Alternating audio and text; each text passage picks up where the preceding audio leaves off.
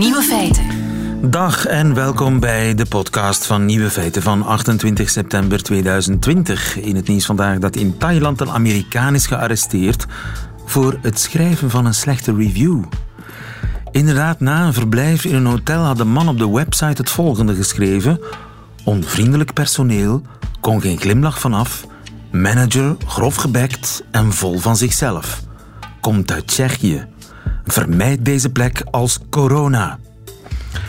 Korte tijd later werd de Amerikaan opgepakt en in de cel gegooid, aangeklaagd wegens laster. En pas na betaling van 3000 euro borgsom mocht hij de gevangenis verlaten. Het hotel zegt intussen dat de Amerikaan zelf zeer onbeleefd was en bijvoorbeeld zijn eigen drank wou meenemen naar het hotelrestaurant. De manager zag dat welwillend door de vingers, maar is verbaasd dat ondanks dit genereuze gebaar de Amerikaan toch nog een slechte review schreef. Tja, zou Basil 14 naar Thailand zijn verhuisd? Zou kunnen. De andere nieuwe feiten vandaag. De beruchte Eveline, u herinnert zich misschien wel Eveline, die had haar fake profiel misschien wel gekocht. De coronakoord stijgt in Frankrijk, merkt ook onze man in Parijs Alex Visorek. Naast zon, wind en water is er nog een andere onuitputtelijke energiebron, met name resonantie. En het is nu zeker, wilt u dingen onthouden, typ ze dan niet op uw computer, maar schrijf ze met de hand op. De nieuwe feiten van Hugo Matthijssen hoort u in zijn middagjournaal. Veel plezier. Nieuwe feiten. Die fameuze Evelien die had haar fake profiel misschien wel gewoon gekocht. Goedemiddag, Katrien van de Heining. Goedemiddag. Je bent advocaat en professor aan de Universiteit van Antwerpen, gespecialiseerd in cybercriminaliteit. Die drie BV's die uh, zichzelf in staat van opwinding gefilmd hebben en die beelden doorgestuurd hadden naar Evelien. Sommigen herinneren zich misschien nog wel die kwestie. Die zogenaamde Evelien, die, uh, die had een fake profiel op sociale media. En dat had ze misschien wel gekocht. Want je kunt dat kopen, dat wist ik helemaal niet. Ja, je kan het dus perfect kopen. En online zijn er massa's aan uh, pakketjes met beelden, met software om dat soort operaties op te zetten. En eigenlijk kan je dat kopen voor een prikje. Je hebt dus ook helemaal geen technische kennis nodig om zoiets op te zetten. En uh, een prikje, zeg eens, hoeveel kost dat ongeveer? Ja, de meeste dat en de meeste bedragen rond de 15 dollar kan je eigenlijk aan een basispakketje kopen. 15 dollar? 15 dollar kan je aan een pakketje kopen. Natuurlijk voor meer gesofisticeerde pakketten ga je meer moeten betalen. Of als je meer, vaak wordt het ook hoeveel slachtoffers wil je maken. Ook dat kan een element zijn waardoor dat de prijzen omhoog gaan. Dus ja, de sofisticatie, dat is van, vooral van belang. Je ook een vertaalprogrammaatje erbij, zodat je ook in een ander land kan proberen? Wel, dan betaal je meer. Het is dus echt gewoon een markt, een business die uh, vandaag de dag uh, door velen wordt geraadpleegd, blijkbaar. Ja, en een vertaalprogrammaatje, want ja, je moet dat ook uh, in het lokale idioom echt kunnen doen. Hè? Google Translate zal, zal redelijk ja, makkelijk te doorprikken zijn. zijn dat goede vertaalprogramma's die daarbij zitten? Dat zijn redelijk goede vertaalprogramma's, maar wat je ook ziet, hè, ze spelen daar dan mee. Dus dan maken ze een profiel aan van iemand met een, bijvoorbeeld een Russische achtergrond. En dan, ja, dan is het ook niet zo erg dat het Nederlands een beetje gebrekkig is. Dus ze maken echt die profieltjes bijna al op maat om het uh, geloofwaardig te maken. Ja. En op veel mogelijk slachtoffers uh, in de luren te leggen. En waar koop je de, dat? Wel, die ga je natuurlijk niet uh, vinden als je gewoon je Google uh, fake profile gaat intikken. Je die meestal op het uh, dark web. dark web is een, een, onderdeel van het internet dat je alleen maar kan bereiken via een specifieke browser Tor. En dat is stilaan, vroeger was dat echt ja, voor, de, voor de experten, voor de mensen die het echt wisten. Maar vandaag wordt dat steeds meer common, dat ook, dat ook ja, de gewone man eigenlijk um, daarmee aan de slag kan en zonder veel IT-kennis slachtoffers kan maken. Ja, en dus dan koop je een compleet kant-en-klaar uh, profiel op sociale media. Dus daar horen foto's bij van één persoon. Uh, waar komen die foto's vandaan? Wel, veel van die foto's zijn eigenlijk beelden die ze zelf hebben gestolen. Dus er zijn heel veel beelden die we hebben dat ook gehoord naar aanleiding van die BV-kwestie, dat eigenlijk ja, sexting, maar ook het misbruik van die beelden, dat het heel vaak voorkomt. Dus op basis daarvan kunnen ze eigenlijk heel veel beelden al gaan verzamelen. En gewoon maar om een voorbeeld te geven van, van hoe breed dat het is. Op een bepaald moment hebben ze een onderzoek gedaan naar een datingsite. En van de 15.000 profielen die op die datingsite stonden, was één op drie was eigenlijk een fake profiel. Eén dus je op merkt drie? wel, op drie was dat. Dus je merkt wel hoe, ja, hoe, hoe vaak dat het voorkomt. Sommigen wel, gewoon om hun eigen identiteit natuurlijk te gaan eh, beschermen. De getrouwde man die zich daarvoor doet als iemand anders. Maar ook heel veel met, met anderen, met meer negatieve insteek om gelden afhandig te maken of iemand te gaan afpersen en dergelijke.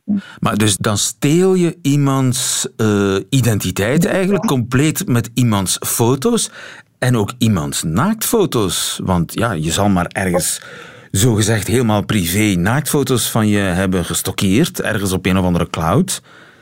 Is het mogelijk dat, dat eh, hackers al die foto's pakken om daar een soort fake profiel met mijn foto's van te maken?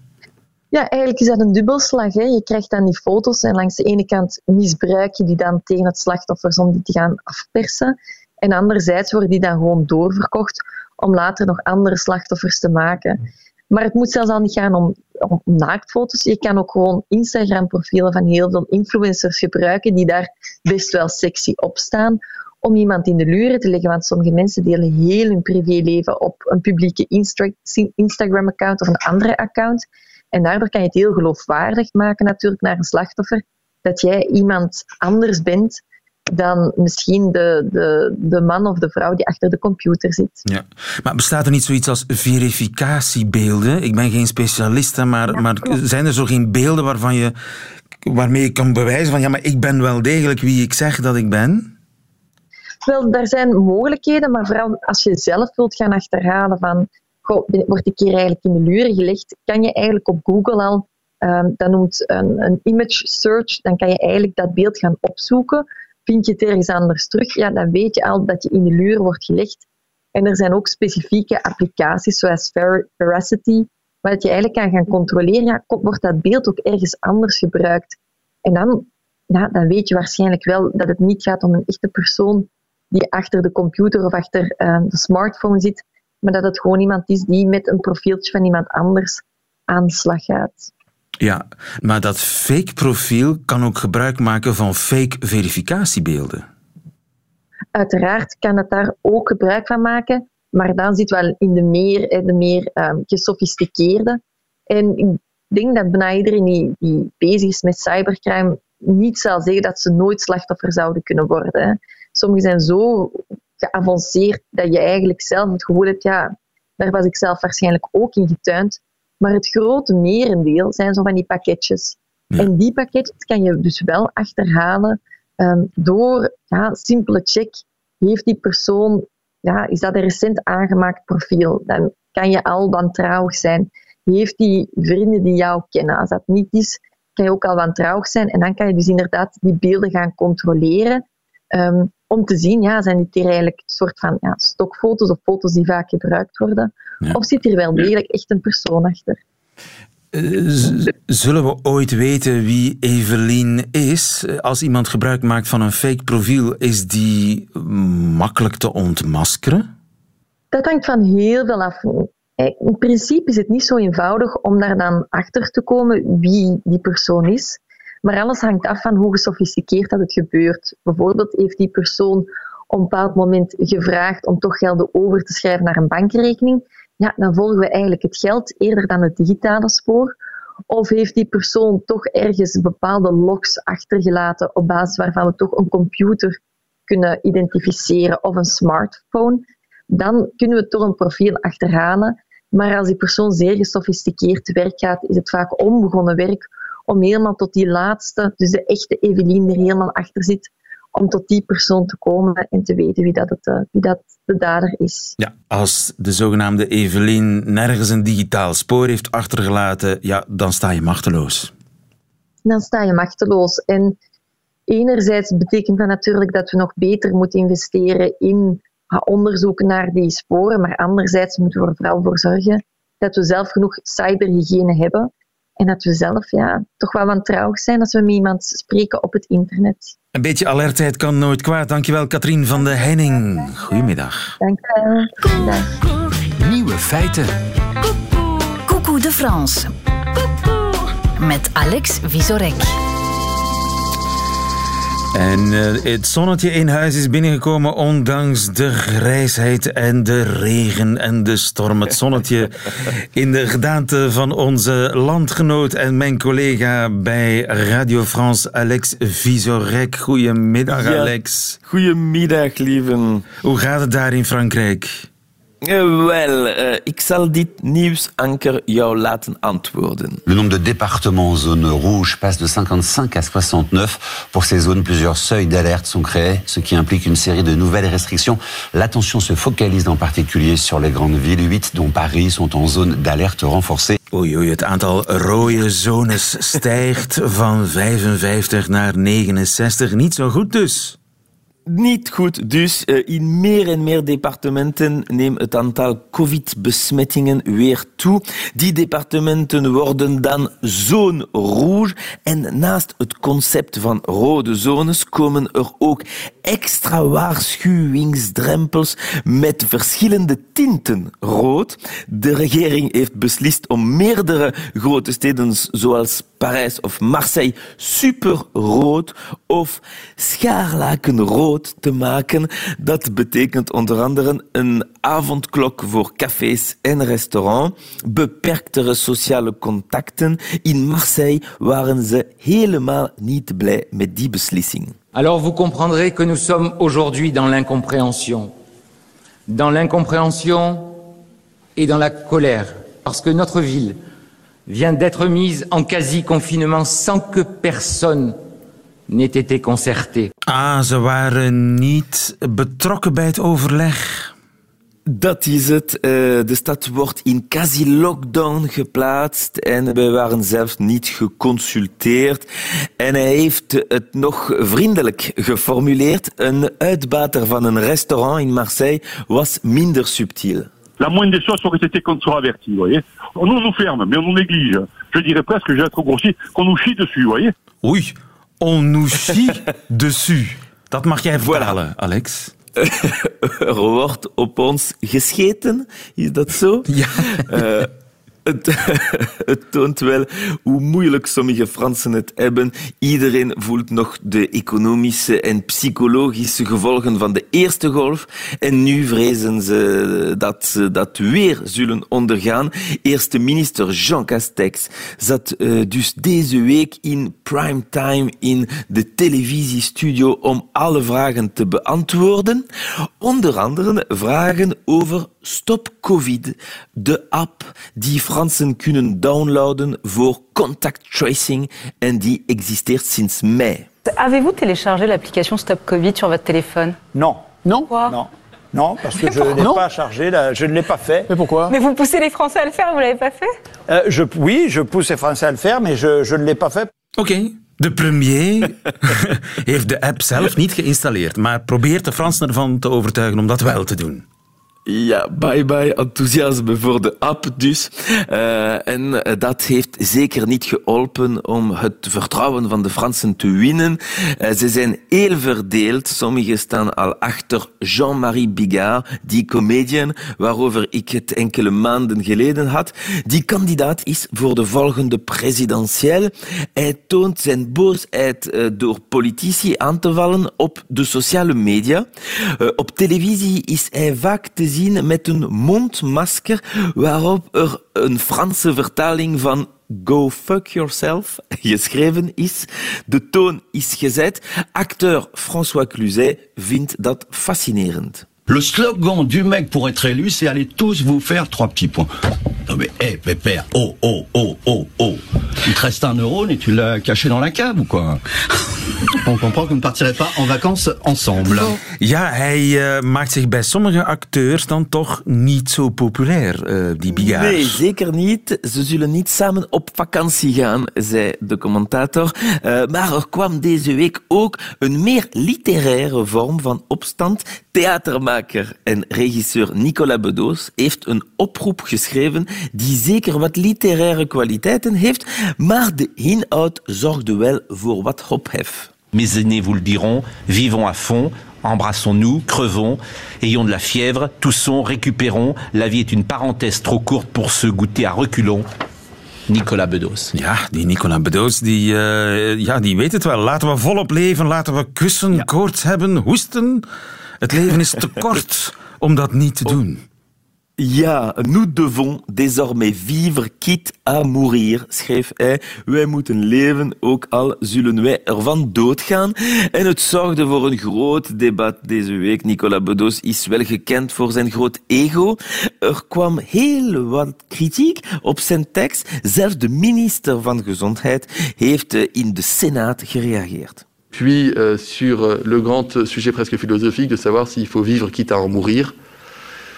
Si c'était, je pourrais comprendre ce type de réflexion, c'est l'emporter des conséquences sur sa seule santé. Ja, hij zou het wel snappen als het alleen om zijn eigen gezondheid zou gaan. Ja, maar daarover gaat het niet. Het gaat om de anderen te beschermen. Het gaat om verantwoordelijk te zijn. En uh, om ook op een literaire manier te antwoorden, sprak die minister van La Peste, het boek van Albert Camus, waarin er ook een lockdown is, waar mensen het na maanden lastig vinden, waar ze twijfelen. Et puis certains commencent à dire que finalement euh, c'est des personnes âgées, que c'est peut-être moins grave. On n'est pas dans le soleil vert, hein. on est dans la société française. On est dans le pays des lumières, on protège les gens qui sont vulnérables. Ja, dat zei de minister van Gezondheid.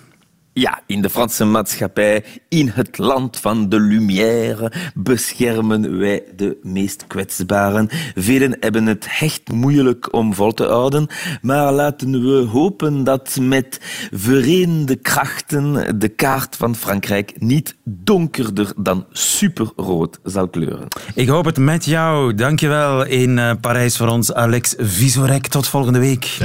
Tot volgende week. Radio 1.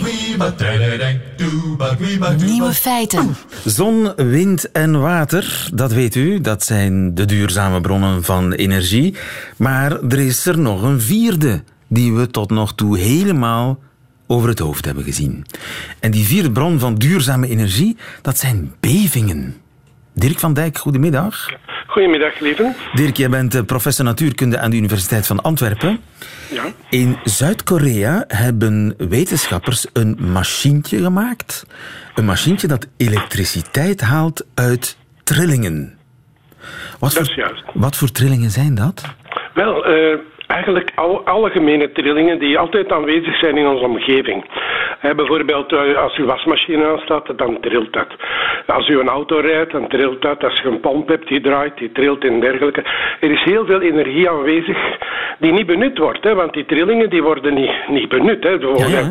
Bij, bij een een wasmachine is dat verloren. Men noemt dat trouwens energieafval. Hè. Ja, en als hier mensen bijvoorbeeld passeren langs de studio, dan, dan trilt de hele studiotafel mee. De hele studio Absoluut, trilt mee. En terwijl dat je zelf stapt, tril je. En terwijl je beweegt, tril je.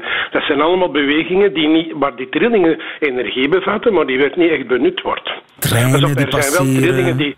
Alsjeblieft. camions die passeren, vrachtwagens, treinen, auto's. Bijvoorbeeld, bijvoorbeeld, oh ja, enorm veel trillingen waar je eigenlijk zelfs niet van bewust bent. Ja. Pas op, er zijn wel trillingen die, die heel nuttig zijn. Hè. Bijvoorbeeld een, een viool, een klankkast, dat trilt mee, maar daar is dat mee trillen heeft een nut. Ons binnenoor ook, hè. dat is ook een systeem dat werkt op overdracht van energie van trillingen hè, tot, aan, tot aan het slakkenhuis, waar dan die trillingen eh, gedetecteerd wordt. Hè. De hoge trillingen bij de, op het einde en de lage begin. Er is heel wat trilling aanwezig die nuttig is voor ons, maar er is ook heel wat energie die verloren is. Ja, en bijvoorbeeld als, als een sopraan heel erg luid, heel hoog zingt en een kristallen glas knapt, is, is, is dat een vorm van energie door trillingen? Absoluut, en dat is een heel mooi voorbeeld om te laten zien dat als je twee trillingen hebt, die, het glas trilt zelf en die stem ook, en als die ongeveer dezelfde frequentie hebben, hetzelfde aantal trillingen per seconde, dan wordt er energie overgedragen van de ene trilling op de andere. Men noemt dat resonantie. En bijvoorbeeld als je een schommel in gang duwt, en je hebt weinig kracht, maar je doet het altijd op het goede moment. Telkens opnieuw, dan gaat die schommel hoger en hoger.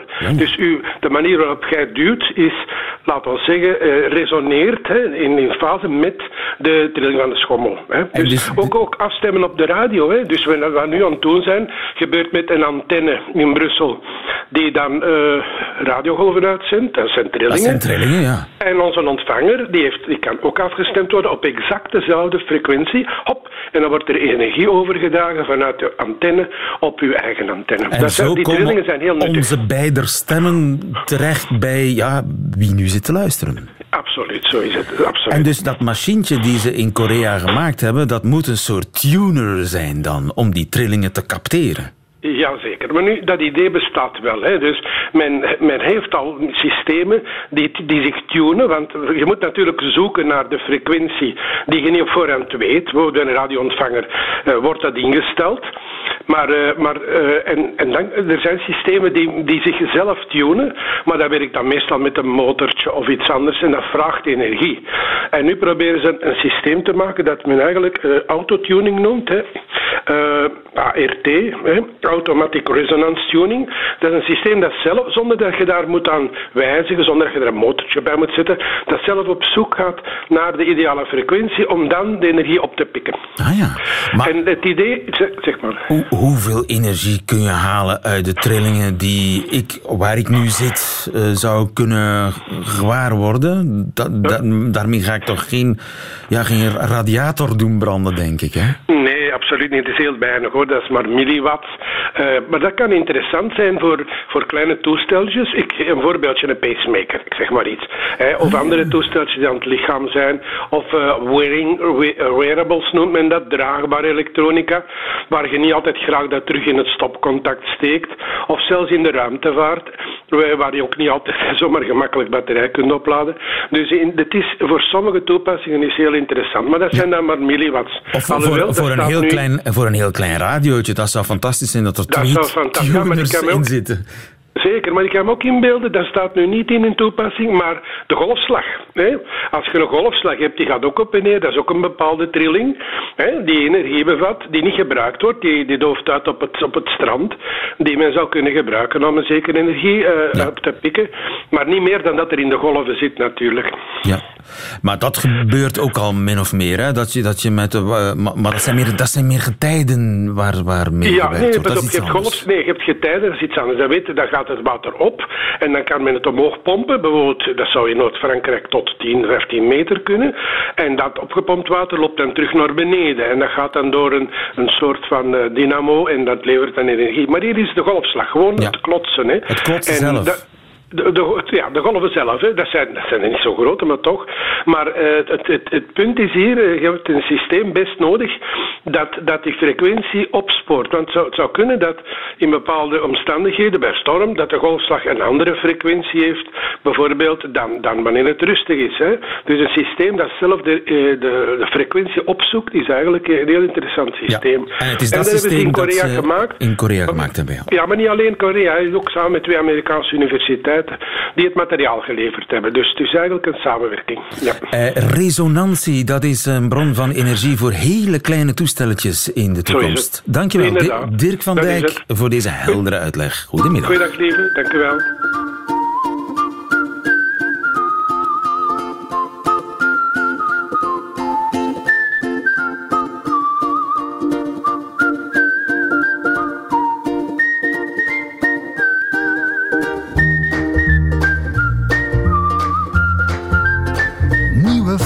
Is hij een vloek of is hij een zegen? De laptop in de klas, er wordt onder pedagogen al eh, jarenlang over gebakkeleid.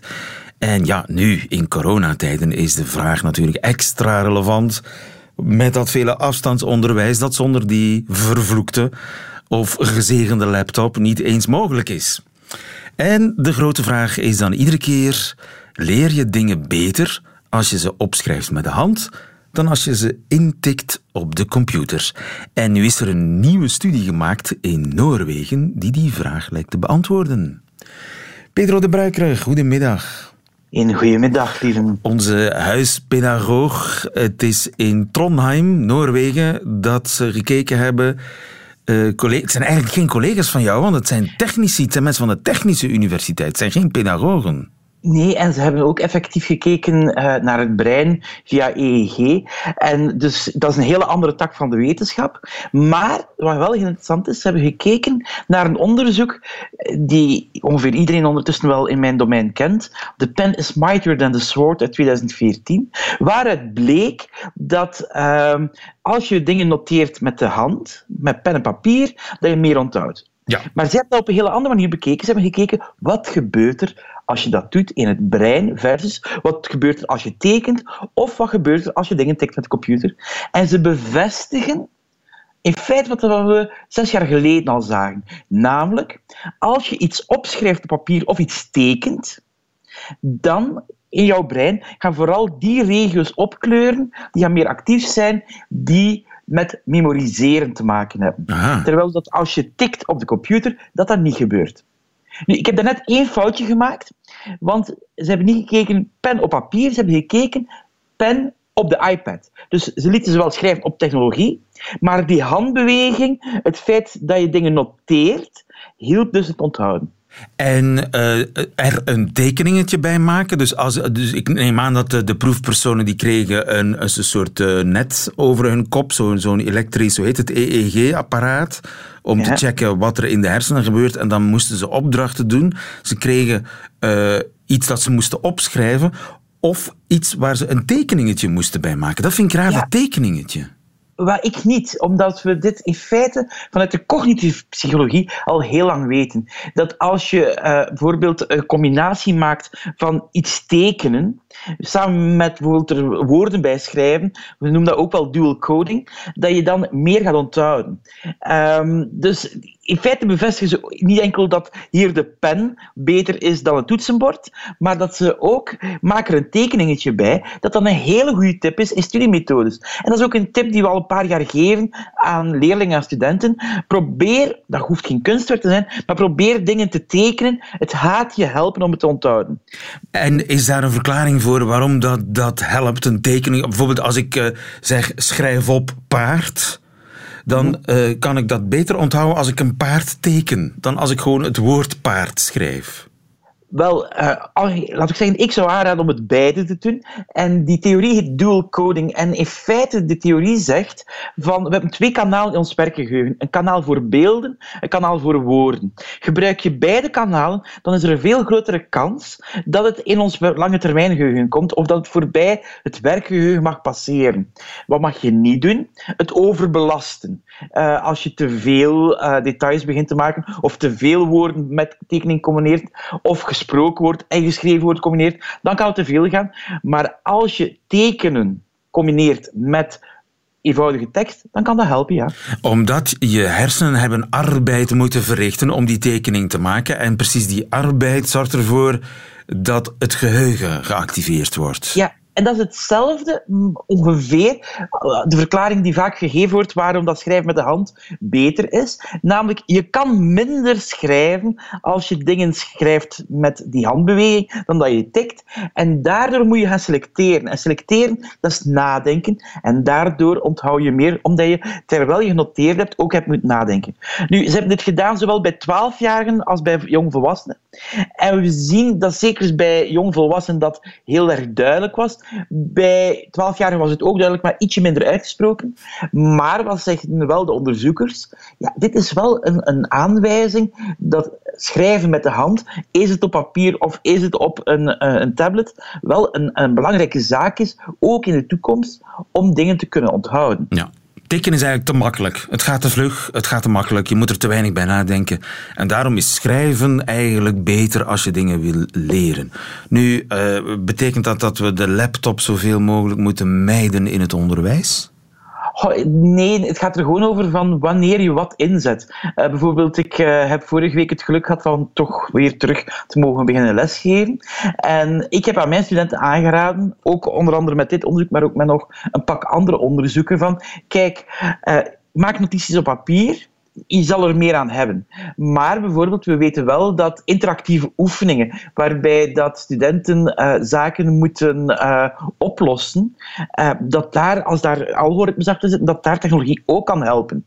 En we hebben ook gezien, dat is ander onderzoek van vorig jaar, dat samenwerken over de computer ook wel kan werken. Het is in feite in onderwijs niet altijd van wat gebruik je best en gooi de rest weg, maar wat gebruik je best, wanneer en waarvoor. En samenwerken over de computer betekent dat dat je dan met meerdere mensen in één document bezig bent te tikken?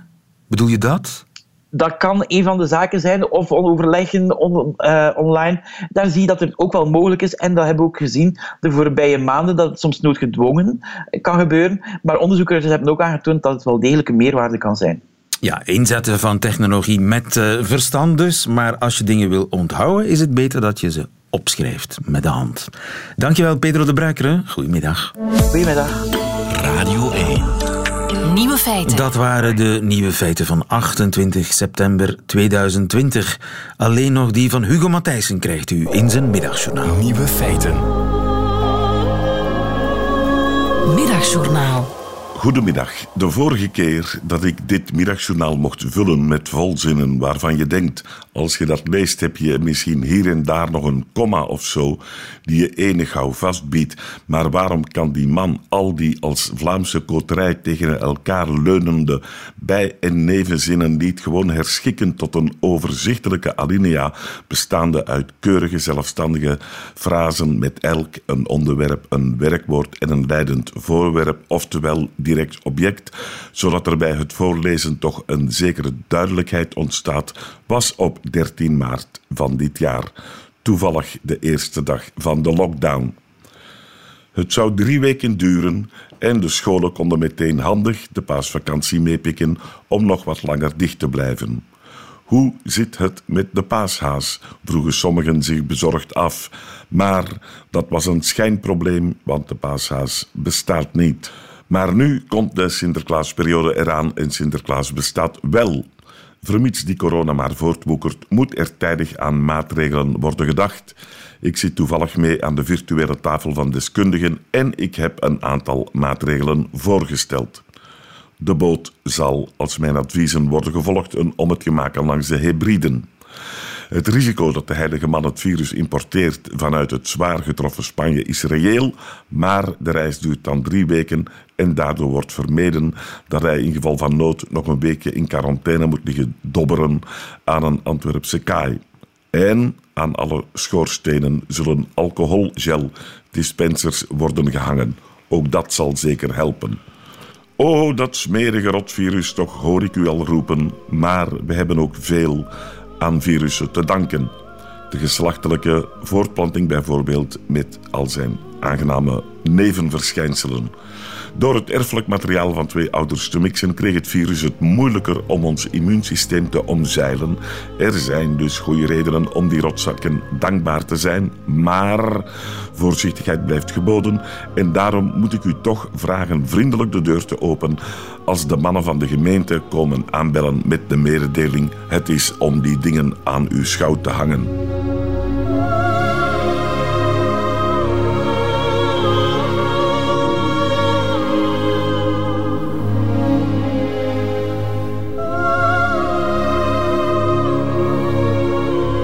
Constructief middagjournaal van Hugo Matthijssen met echte oplossingen voor echte problemen.